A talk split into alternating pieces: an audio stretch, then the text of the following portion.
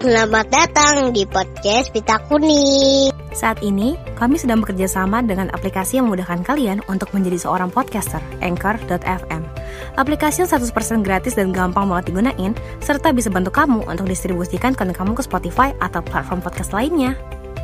Buruan download Anchor.fm sekarang. Aneh-aneh aja, emang Anda mau ngambil kelapa? Kenapa punya parang? Anda punya keyboard, datang bawa keyboard, CPU, floppy disk, modem Anda bawa. modem dial up. Ih, oh, ing, ing, ing. Tahu modem dial up.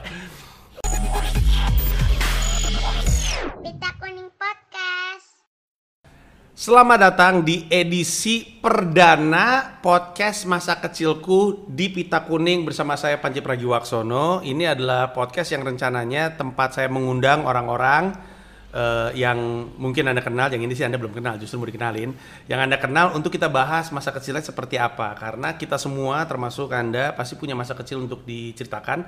Tapi adik-adik pasien kanker yang kami bantu di Pita Kuning ini punya masa depan untuk diperjuangkan. Mereka pengen juga tuh cerita kayak kita cerita soal masa kecilnya. Saat ini kan mereka masih kecil-kecil nih Eh, dan penyakit kanker yang mereka eh, miliki di dalam tubuh mereka itu jadi bisa dibilang penghalang untuk mereka bisa tumbuh besar, dewasa sehingga bisa punya cerita-cerita seperti kita semua. Nah, di episode perdana ini saya ngundang seorang kawan lama yang belum lama ini eh, menggantikan posisi Steny Agustaf sahabat saya sebagai ketua menjadi ketua yang baru. Raka. Emang Apa kabar?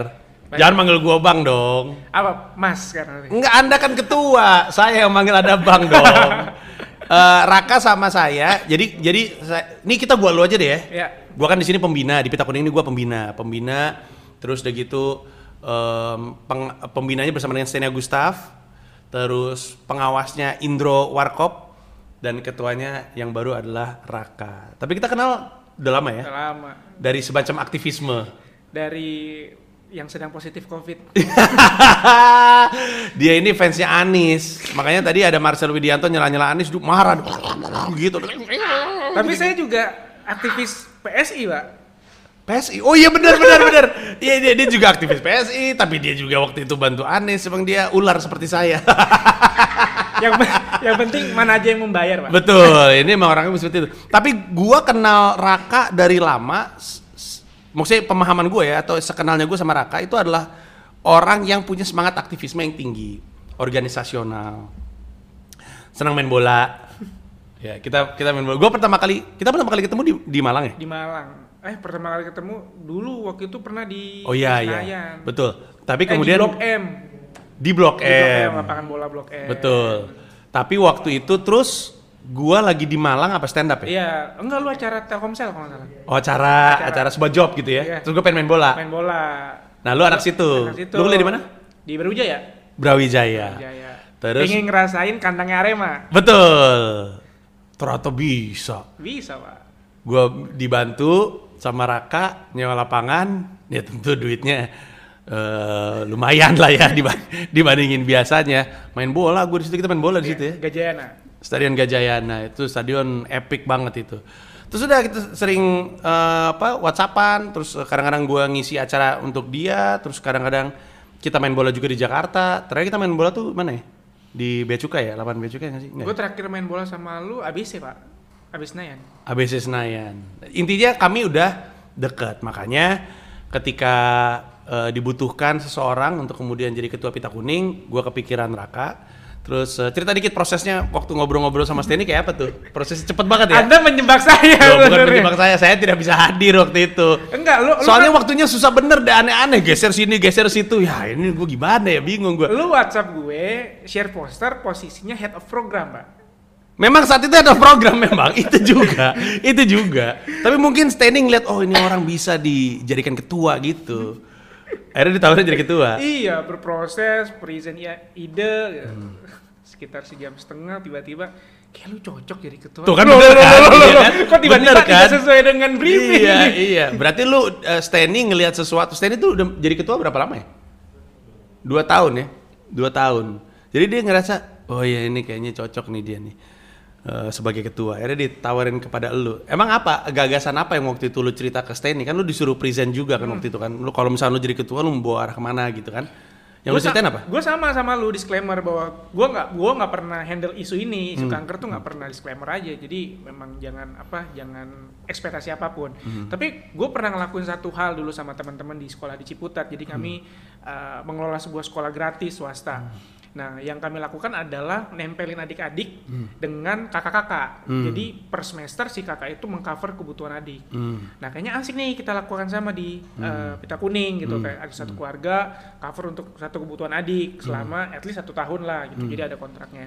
Ternyata sejalan. Udah pernah tuh tapi cuma ide. Belum pernah dieksekusi belum ada orang yang eksekusi. Udah deh lu handle. Idenya, idenya tinggal gue eksekusi doang Tapi berarti berarti emang ada kecocokan lah emang Steny ngerasa. Ya. Toh gua sama Steny sama Pak Indro belum sempat ketemu Pak Indro ya nanti kita ketemu. Eh, akan selalu ada untuk diskusi. Karena em, ya ini kan ini anak-anak di sini udah jauh lebih lama, mungkin paling lama emang gua, tapi maksud gue kita semua tahu bahwa wah, menjalanin yayasan emang susah sih. Susah. Apalagi kalau misalnya kita nggak pengen selalu tangan di bawah. betul. Eh, jadi emang harus berpikir, berpikir kreatif dan masyarakat nih setiap individu yang ada di Indonesia kepalanya itu dihajar sama berbagai macam informasi. Terus kita gimana caranya supaya bisa nembus semua itu? Jadi tantangannya tetap susah. Tapi kita kali ini sama Raka pengen ngomongin soal masa kecilnya. Kayak apa sih masa kecilnya? Kok kok bisa dia tumbuh besar jadi orang yang punya semangat aktivisme, punya kepedulian sosial yang tinggi. Bahkan di pekerjaan korporasi sebelumnya tuh sebenarnya kaitannya masih ada hubungan sama sosial juga gitu. Em, mari kita bahas Anda lahir di mana? cilacap Hah, Cilacap. Spesifik sekali. Saya pikir Jakarta atau mana. Cilacap ternyata. Cilacap, saya. Jadi lu orang Cilacap. orang cilacap Oh. Hmm. jadi karena eh, kakek gue dari nyokap itu Pertamina pak Oh. Pertamina. Jadi besar eh, waktu itu lagi di eh, dinasti Cilacap kan Hmm. ada ada perusahaannya di sana. Ya udah lahir di sana. Kebetulan bokap lagi S2 di Jogja Hmm. ketika gue lahir. Mm-mm. Jadi nyokap sama orang tuanya brojol lah gue di sana. Hmm. Terus nyokap kerja ke Jakarta, gue tinggal sama kakek nenek. Oh, berarti emang lu gak disayang. Kayaknya gitu lah. Kayak gue curiga gitu lah. Bapaknya kuliah, ibunya kerja. Kerja di Jakarta. tinggal sama kakek Sama nenek. kakek nenek di Cilacap, sempet pindah ke Indramayu. Pasti secara sosial rasanya aneh ya. Aneh pak. Aneh ya. Gim- Aneh. Maksudnya teman-teman lain, teman-teman lain orang tuanya ada tuh depan Hmm. mata. Gue tumbuh Wah, berat di, banget nih. gue tumbuh tuh kalau main di kilang minyak pak. Kalau main di kilang minyak, Kilang minyak. orang kaya. Lu pernah denger? Enggak orang kaya. Lu pernah denger waktu itu kilang minyak di Balongan tuh meledak? Hmm, hmm. Gara-gara lu tuh. Ya enggak lah. Lagi main petasan jamet. Siutar. Ah, Anak kita. Jadi mainnya di kilang minyak. Dulu Hmm. tuh waktu Balongan lagi, kalau nggak salah tahun berapa ya? Dua seribu sembilan sembilan tiga atau sembilan empat gue lupa Hmm. sembilan empat sembilan lima. Pokoknya pernah meledak. Gue lagi main di situ. Kaki, Wow. Jadi kaki gue juga lagi kerja Hmm. Kakek lu kerjanya juga di di kilang minyak. kilang minyak. Kilang minyak gitu. Oh. Jadi dari kecil gue didoktrin bahwa besar kamu di Pertamina gitu. Oh gitu. Nggak tapi tapi maksudnya lu nanya dong sama gi- gimana ya ini ini soalnya gue soal isu ayah anak nih deket banget sama psyche-nya gue. Orang tua lu tetap berkomunikasi walaupun mereka jauh. Enggak. Mereka se, se- berapa lama sekali mereka balik? Eh, akhirnya gue di Mereka nggak pernah balik, kabur dong mereka. sebelum gua sebelum gua TK gue di eh, ambil ke Jakarta tinggal sama nyokap bokap Hmm. tapi masih di Jogja Jadi sebenarnya dari 0 sampai TK hmm, nggak banyak ketemu orang tua. nggak banyak Waduh. jadi memang pada akhirnya juga setelah TK sampai eh, kakek nenek gue wafat gue tinggal lebih dekat dengan kakek nenek Oh gitu. Kakek nenek lu wafat ketika orang tua lu masih di luar kota sendirian dong di rumah jaga rumah. Jadi lu lu lu kayak kan ada tuh eh, teman-teman gua yang manggil kakek neneknya mama papa. Ada yang kayak gitu. iya ada emang Iya iya. Lu lu agak kayak gitu, agak kayak gitu karena Hmm, lebih gua- lebih kerasa kayak orang tua. karena gue orang Jawa gitu kan orang Jawa Tengah jadi manggilnya eyang gitu Jadi iya. le- tapi lebih dekat sekali gitu bahkan masakan kesukaan gue itu masakan eyang bukan masakan nyokap gitu Masakan eyang. Masakan eyang. Oh gitu. Emang apa masakan eyang yang nasi goreng pak nasi, Nasi goreng, goreng. telur ceplok udah sampai, menyenangkan? sampai, seka- sampai sekarang nggak pernah ada yang gue bisa rasain lagi sejak beliau wafat Mau nggak ngerasain? gimana mati dong Pak. Bukan. gua mau manggil eyang lu, bukan lu yang mati. Serem juga. Iya kan main jelangkung ya yang lu muncul buat ngasih resep aja. Jadi ketika TK lu dibawa ke Jakarta. Di Jakarta. saat bokap lu masih di Jogja. Masih di Jogja. Karena eh, nyokap lu kerja, Kerja. dan udah waktunya Akhirnya akhirnya resign. Akhirnya Bokap- resign. bokap tuh. nyokap. Oh, nyokap akhirnya Nyokapnya resign. Heeh. Terus eh, tarik gue ke Jakarta, Hmm. gue TK karena gue waktu itu juga punya adik kan. Jadi nyokap gue ngelahirin adik gue di eh, Cinere. bokap lu di Jogja, nyokap Bokap lu lu di, Jogja, Jakarta. iya. Kok bisa punya adik? Gak tahu tuh kayaknya. Bener juga ya, gue baru kepikiran ya. Eh, ya kan emang nggak bisa naik pesawat tuh, ada aneh-aneh aja. Terus udah gitu lu pindah ke Jakarta bersama dengan adik lu sama nyokap lu. Adik, jadi nyokap gue tuh resign ketika dia ngelahirin adik gue. Hmm. Nah terus dia sempat tinggal di Jakarta, uh, gue masih tinggal sama eyang gue di Indramayu pada saat itu. Hmm. Gue mau TK tuh umur 4 kalau nggak salah gue ditarik ke Jakarta. Gue TK di Jakarta. Hmm, oke. Tinggal sama nyokap. Terus bokap lu? Masih S2 di uh, Jogja. Jadi sebenarnya udah mah lu lebih dekat sama kakek nenek, tetap lebih dekat sama nyokap ketimbang sama bokap. Iya. Kalau bisa kalau bisa dibilang gue besar sama nyokap sih kalau misalkan dibilang. Jadi nyokap gue, gue nggak tahu bokap gue kuliahnya lama banget ya. Jadi dia S2 gitu kan di Kurang fokus kali sama apa? kayaknya kayak gitu kan. Kuliahnya apa sih? Dokter. enggak, te- teknik sipil, Pak. Oh. Teknik sipil. Ya mungkin pada zamannya emang lama-lama Iya, dan dia ikatan dinas dari S1-nya. Jadi Hmm. S1-nya dia di Institut eh, Sains Teknologi gitu, Hmm. dikuliahin S2 gitu. Hmm. Gua nggak tahu apa yang dikerjain kayak lama banget di Jogja. Hmm, hmm, hmm. Gitu. Jadi gue tumbuh besar eh, ketika TK pun gue sama nyokap gitu. Apakah sempat ada kayak tekanan sosial dari teman-teman nih nggak punya bokap, bokap lu mana gitu yang nongol nyokap mulu gitu? Enggak sih, karena gue dari kecil itu TK tuh ja- jalan sendiri pak, Hmm. nggak diantar-antar. Wah hebat bener ya, mandiri bener ya. Le- miskin lebih tepat. Kasian bener ya iya, kan. gue tinggal di kontrakan kecil. keadaan. Gue nggak punya apa-apa. Gitu. Terus main, main lu apa waktu waktu kecil SD yang lu inget main-main apa? SD gundu gue. Gundu ya. Gundu, Iya, emang itu, itu itu makanan eh, apa mainan, Mainan. yang sangat merakyat gitu. Sama rakyat. Sama Zaman lu SD masih ada gambaran nggak? Tau nggak lo? Jadi ada kotak, isinya gambar-gambar, karton, terus lu gunting-gunting, mainnya kayak gitu. Gitu. Jadi lu megang gacoan lu, jagoan lu, gue megang Oh jagoan gini gua, ya? Terus oh diginiin. gitu. Oh gitu. Terus nanti yang ada Oh, patas tahu, dari punya gua. Tajos. Tau tajos nggak? Tajos juga ada, Ya. tapi sebelum tajos Ada gambaran. kan? Iya, gue tau tau. Iya. Nah, Wow. Yang kecil itu kan? Iya, kotak-kotak Tahu kecil gue. segini gitu, iya. Pada zaman itu masih ada? Ada, ada. Oh, tapi lu lebih senang main gundu. Main gundu gitu. Hmm. Jadi karena dulu gue atlet gundu pak. SD gue atlet Anda atlet gundu. Bener. Anda berjuang di Asian Games juga Anda. Membawa nama Indonesia sebagai atlet gundu. S- SD gue SD gue porsendinya ada ada kelerengnya ada gundunya. SD lu porseninya ada gundu. Ada gundunya. Luar biasa. Anda mewakili kelas Anda. Biasanya kan Ada- kelas kan? Angkatan. Oh, angkatan. Angkatan. Iya, iya. Lu mewakili angkatan, Angkatan. lu. Masih ada nggak skillnya? Kayak- Coba sentil. Iya. gitu. Kan dulu gundu gini ya. Gundu kan ada setelannya gini. Iya. Sama ada yang gini. Iya. Lu yang kayak gimana? Gue yang ja- jari tengah. Oh, jari Gua tengah. Oh, gini. Soalnya oh, gini. ja- jari jari telunjuk tuh buat ngarahin. Oh. Gitu.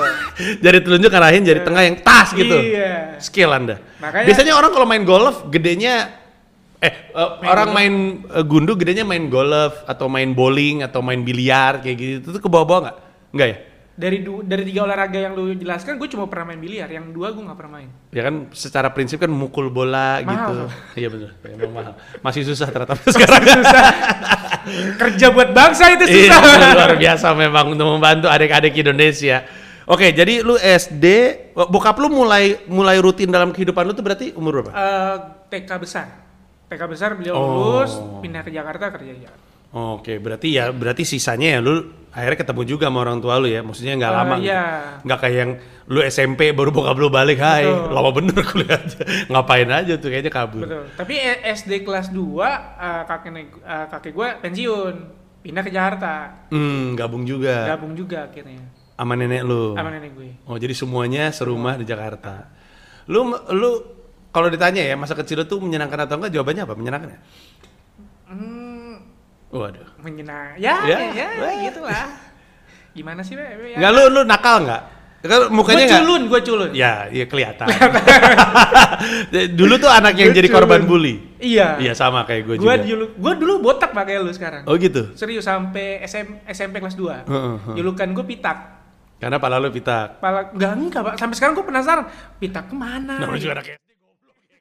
Botak disebut pitak padahal kagak ada pitaknya. Iya, gue pitak dulu. Oh. Jadi sebutannya pitak. Nggak pernah dipanggil Raka, dipanggilnya pitak. Bahkan sama guru pun dipanggil pitak. Gila ini sekolah sekolah. Se- SD apa?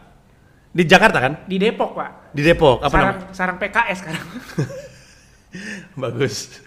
PKS, saya punya teman di PKS. Jadi SD gue itu cikal bakalnya PKS pak. Hah, kok bisa? Emang SD-nya apa? Boleh nggak apa sebutin? Nggak apa-apa, sebutin aja SD kan. IT Nurul Fikri. SD, IT Nurul Fikri. IT, IT-nya apa? Islam terpadu. Oh, SD Islam Terpadu Nurul Fikri. NF NF. Iya, apa ya tadi? kalau NF Nurul Fikri. Lu Oh, Nurul nggak Fikri. yang NF yang suka les bimbel? Anak lu gak dulu bimbelin apa gimana? Kalau tahu lu Kristen, kenapa tahu lu? NF. Iya, ada. Hmm. Maaf. Nah, itu nanti saya cari tahu. di Depok pak. Di Depok. Itu Iya, saya coba coba tapi bakal. Itu cikal bakalnya partai pak. Oh, gitu. Dari dari situ, Dari situ, terus ngegede. Gede. Dulu kan namanya PK kan? Partai Partai Keadilan betul Iya. betul betul. Sebelum akhirnya terus pecah jadi Iya. PKS. Dulu Iya. kantornya di belakang SD gue. Oh, gitu. Terus Jadi partai. dari awal udah Dan pengisinya tuh komite ini orang tua orang tua komite di sekolah gue. Oh, gitu. Kayak gimana tuh SD itu, Mak? Eh, Di SD itu ada anak yang nggak Islam nggak? Nggak ada. Nggak ada, harus Islam. Oh, Dan harus harus Islam. berkerudung. Dan harus berkerudung. Dan alhamdulillah sampai sekarang temen gue berkerudung semua, Pak. Termasuk yang cowok? Tentu tidak dong. Tentu tidak. Harus berkerudung yang perempuan. Ada aneh-aneh mikir lagi. saja. Masa yang cowok juga harus berkerudung? Harus berkerudung. Jadi kan ada satu kan ada sekolah-sekolah Islam yang lain yang oh, jadi formalitas terus keluar udah gitu. Iya, Kalau iya. SD gue enggak alhamdulillah. Oh, Anak-anaknya taat. ya. Guanya enggak. Nggak tapi gue gue nggak kebayang deh kan gue kalau gue kan SD swasta gue. Hmm. gue nggak kebayang tuh. Ini gue nanya aja ya karena gue penasaran nih. Gue gue tidak mampu menahan eh, rasa penasaran gue. Keluarkan, Pak, keluarkan. Iya. Ada upacara bendera kan di situ? Enggak pernah. Tidak pernah. Iya. Sedikit-sedikit ya, enggak, enggak pernah ya. Gak pernah upacara bendera? Gue pertama kali upacara bendera tuh SMP. Hmm. Gua, karena gue anak pas, pas kibra dulu. Hmm. Ini SD-nya masih ada nih? Sampai sekarang? Masih, Pak, masih. Kira-kira sekarang masih ada nggak ada? Nggak ada bendera?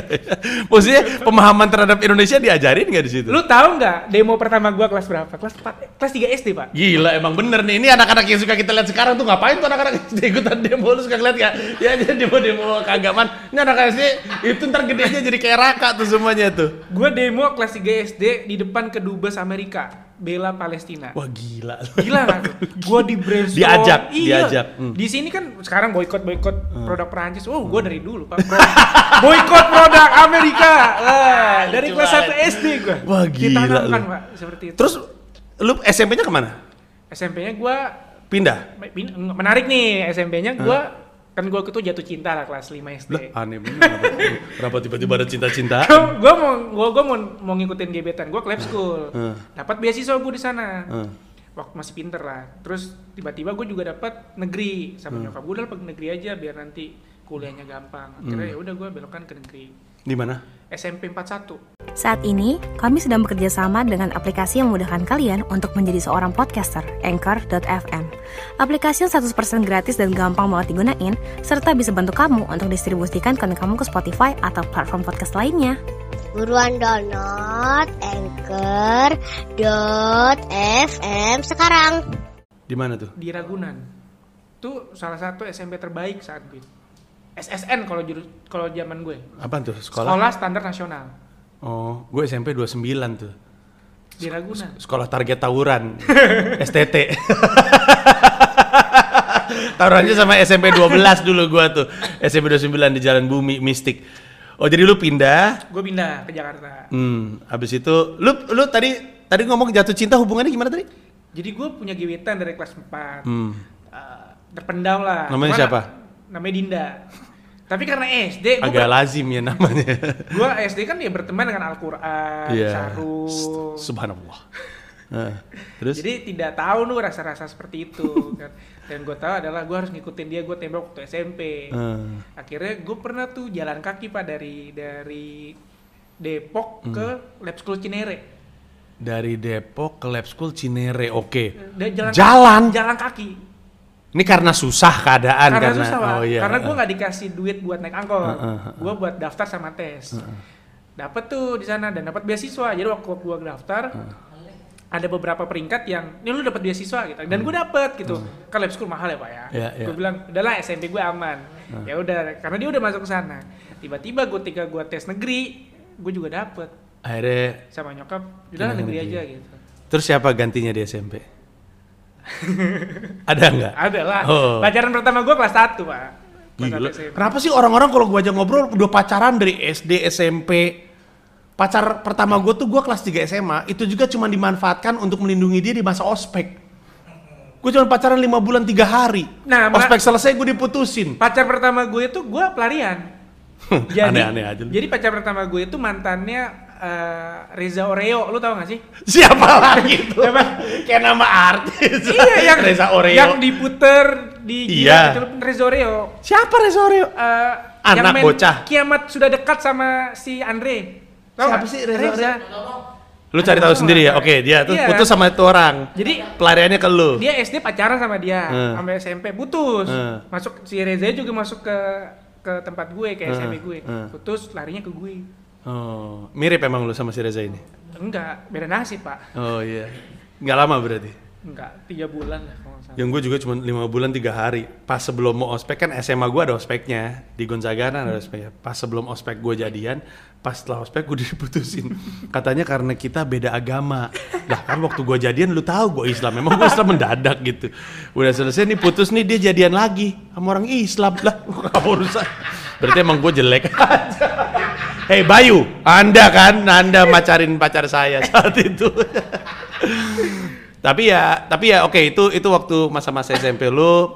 Jadi jadi SD, SMP, eh, T- tadi kita udah bahas TK, SD, SMP, SMA. Abis dari SMP ke mana? Gue SMP tuh Eh, sorry, bandel. lu nilai oke nggak SD SMP?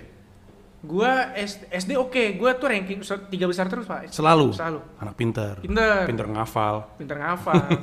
Terus Dan SMP? dibantu sama doktrin-doktrin agama kan. Pada zaman itu. Pada zaman itu. SMP nilai? SMP, nah ini kelas 2 gue mulai hancur. Hmm. Kenal yang namanya ngompreng. Oh ngompreng. Kenal namanya bolos, naik-naik. Gue pikir bolot, kenal namanya bolot. kenal Bolos, aja bolot. berantem, Bolos. gitu. Oh, Iya. dulu SMP lu lawannya siapa? Musuh Bukan tawuran, jadi gue Oh. berantem sama temen biasanya. Oh. Itu biasa rebutan pensil. Jagoan. Ya ya jebrutan pensil berantem aneh-aneh. Kan pensil, pensil yang ada, ada apa namanya pensil Indo lo tau gak sih? Yang mana tuh? Aduh, pensil Yang- yang ininya dimasukin cek- cek- cek. ngeleok-ngeleok gitu loh. Oh iya tahu gua, tahu Iya, tahu tahu tahu. Itu harta paling berharga saat kami Makanya, SMP. Untuk orang susah itu harta paling berharga. oh berantem gara-gara begitu Iya, doang. Ya Allah. ribut, Eh, gitu kan. Akhirnya SMA gue ya ya biasa-biasa saja. Apa ya semuanya? Jadi yang menarik waktu SMP gue, jadi SMP gue tuh ada intens, intensif. Kan tu, satu angkatan tujuh kelas. Hmm. Jadi di dikastain tuh kalau misalkan mau wan. Yang pinter-pinter ya kelas A, B, C, D sampai selanjutnya. Gue ada di kelas ke-8. Berarti bego. Ini, ini banget ya maksud gue ketanda banget gitu Iya. kan. Anak-anak kan sedih ya masuk Sedih, sedih. Ya gue di, di, di G atau H gitu sedih banget gue jauh banget ke A. gue di gitu. doktrin ada nih orang-orang yang nggak akan lulus SMP. Oh gitu. Iya Pak sama, sama guru gue. Wah kacau juga tuh. Kacau, sekolah. Pak. Iya. Tapi akhirnya lu bisa Lulus dengan nilai terbatas dan di ya garis-garis Iya, eh, tipis-tipis eliminasi lah. lah. Kayak gua, kayak gua tidak apa-apa. Nilai sekolah bukan takdir kehidupan, Iya. kawan-kawan. Iya. Sekolah hidup itu ditentukan dari bagaimana dijalankannya, bukan diawalkannya. Sah. Karena kemarin teman gue yang pintar waktu SMP ngechat gue di LinkedIn nanya kerjaan. Iya. Yeah. Oh. Bawa dong ke sini dong untuk membantu adik-adik pasien kanker. Lu belum cerita terus lanjutannya SMA-nya SMA. SMA, SMA gue 60 Kemang. Nah itu Wow, baru. SMA bagus tuh. Enggak, hmm, itu Kemang dong. SMA sasaran tawuran. Gurunya bule nggak? Gurunya bule. Sasaran tawuran. Setiap Januari Februari libur.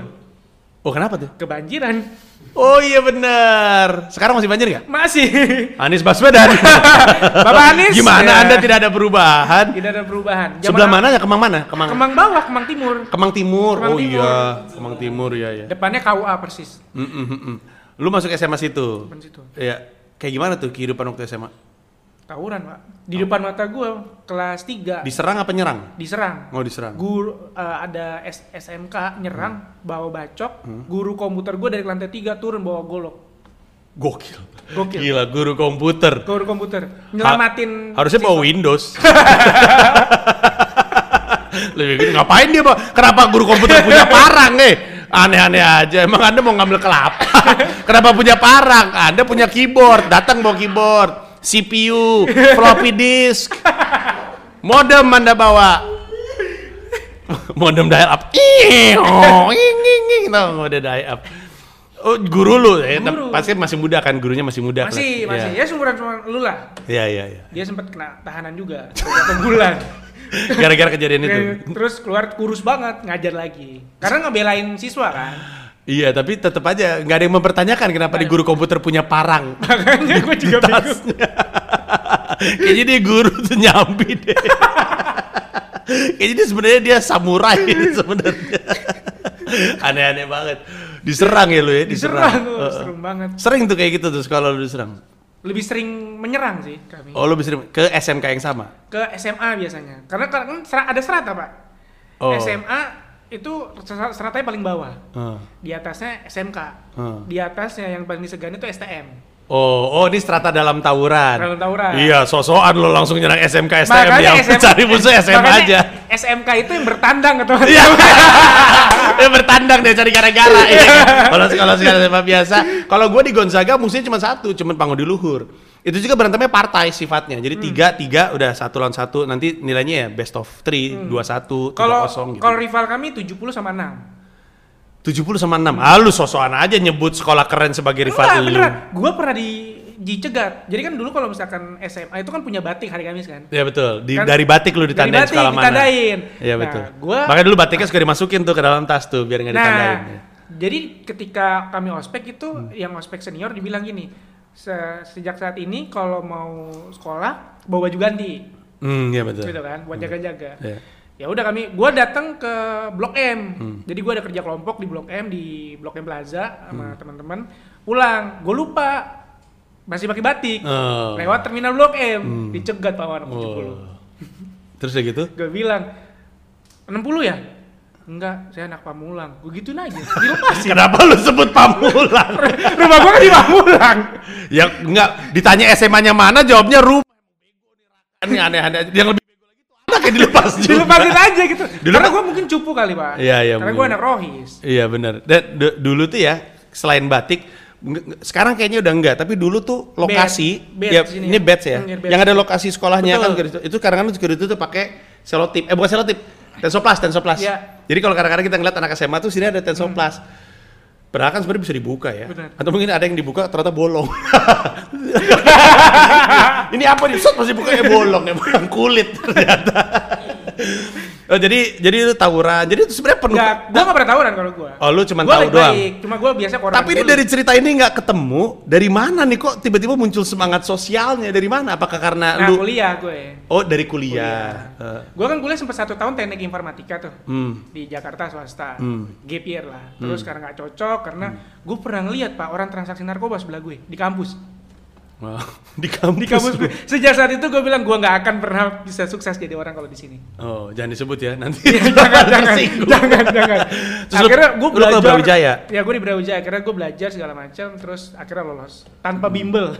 Hmm. Padahal tahun pertama gue bimbel, gue habis duit banyak sekali, tapi nggak lolos. gue juga bimbel dari dulu segala macam gue telen tuh SSC. Apa aja sih bimbel dulu? Eh, ada S Sony Sugema Prima- College. Primagama, Primagama, Gama Ganesha Operation. IO, eh, Terus apa? BTS 88, BTS UI. Teknos. Tau Teknos nggak? Nggak tahu tuh beda angkatan zaman gue udah nggak ada.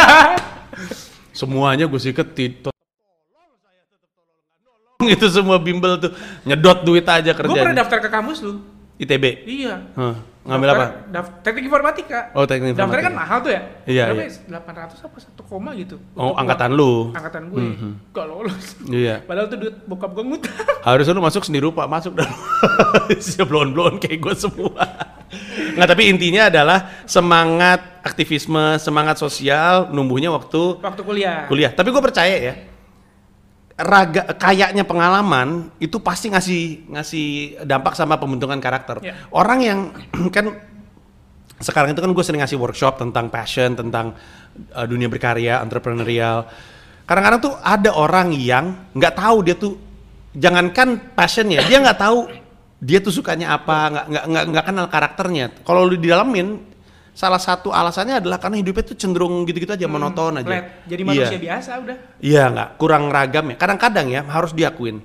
Ketika kondisi terdesak dan ketika kondisi sulit, justru prinsip-prinsip kita tuh jadi nongol. Jadi kita tahu apa yang mau gue lakukan, apa yang nggak mau gue lakuin, kerasa. Dan itu munculnya dari pengalaman hidup dan itu kawanku adalah yang kaya dari Anda sehingga mungkin itu ditambah dengan pengalaman waktu Ya. kuliah akhirnya ngebentuk sampai dengan hari ini. Karena dia cerita sama gua, dia sebenarnya udah kerja korporat tapi nggak ngerasa Nggak nyaman, nyaman, gaji gede, Gede, gede, gaji, tapi nggak ngerasa ada kebahagiaan. Dan ini cerita yang berulang-ulang terjadi. Ada seseorang nggak usah disebut namanya karena dia cukup terkenal. Dia itu kerja oiling. Eh, ini, ini yang mau gue sebut ini pengacara, pengacara yang sangat terkenal pernah ngebela Bibit Chandra waktu zaman KPK polisi dulu cicak buaya. Sebelum dia jadi pengacara, dia tuh lawyer. Eh sorry, dia tuh eh, oiling dan udah kerja dari 97-an, 96 akhir. Dia kerja oiling di offshore, gajinya itu dolar. Jadi ketika Chris Bond, gajinya tiba-tiba berlipat-lipat ganda. Jadi dia kaya raya, tapi go gamang gitu, kosong, nggak ngerasa bahagia. Bayangin, lu udah kaya raya di usia muda, nggak ngerasa bahagia. Akhirnya ditinggalin itu semua, ngulang lagi dari nol belajar hukum.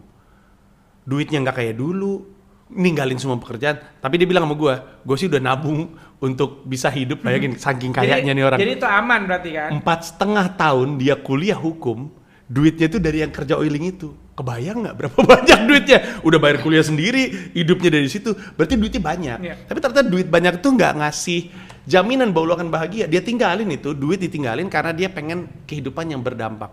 Dan itulah mungkin yang dia cari dan anak-anak yang ada di sini cari. Dan kalau misalnya lu pengen mencari dampak lu bisa lakukan itu dengan membantu adik-adik pasien kanker yang dibantu oleh pita kuning. Eh, kan kita semua punya masa kecil untuk diceritakan tapi mereka punya masa depan untuk diperjuangkan. Jadi kalau pengen ngebantu silakan di sosmednya Twitter eh, pita underscore kuning Instagram juga pita underscore kuning eh, websitenya adalah pitakuning.or.id Eh, dan bantu-bantu kalau misalnya ada program bisa eh, cari Raka di sini kemudian ngobrol-ngobrol. Eh, eh, alamat kantor ada di website nggak sih? Ada kan harusnya Ada ya ada ya? silakan ke situ eh, cek aja informasinya baca-baca. Dan kalau misalnya lu tergerak untuk nolong silakan. Di di sini tuh kami percaya semua orang tuh bisa bantu. Cuman masalah mau atau enggak aja nggak ada bantuan gede nggak ada bantuan kecil. Lu punya duit 50.000 ribu untuk anak-anak itu bisa be- beli kertas beli krayon berjam-jam lupa kalau mereka sakit jadi cuman masalah lu mau atau enggak silakan cek di situ Raka selamat bertugas sebagai ketua baru Thank you, thank you bro. Semoga eh, apa amanah bisa ngejalanin ini jadi baik dengan tim-tim yang lain dan semoga gue juga bisa terus ngebantu. Amin. Sehat terus semuanya. Thank you. Thank you. Bye.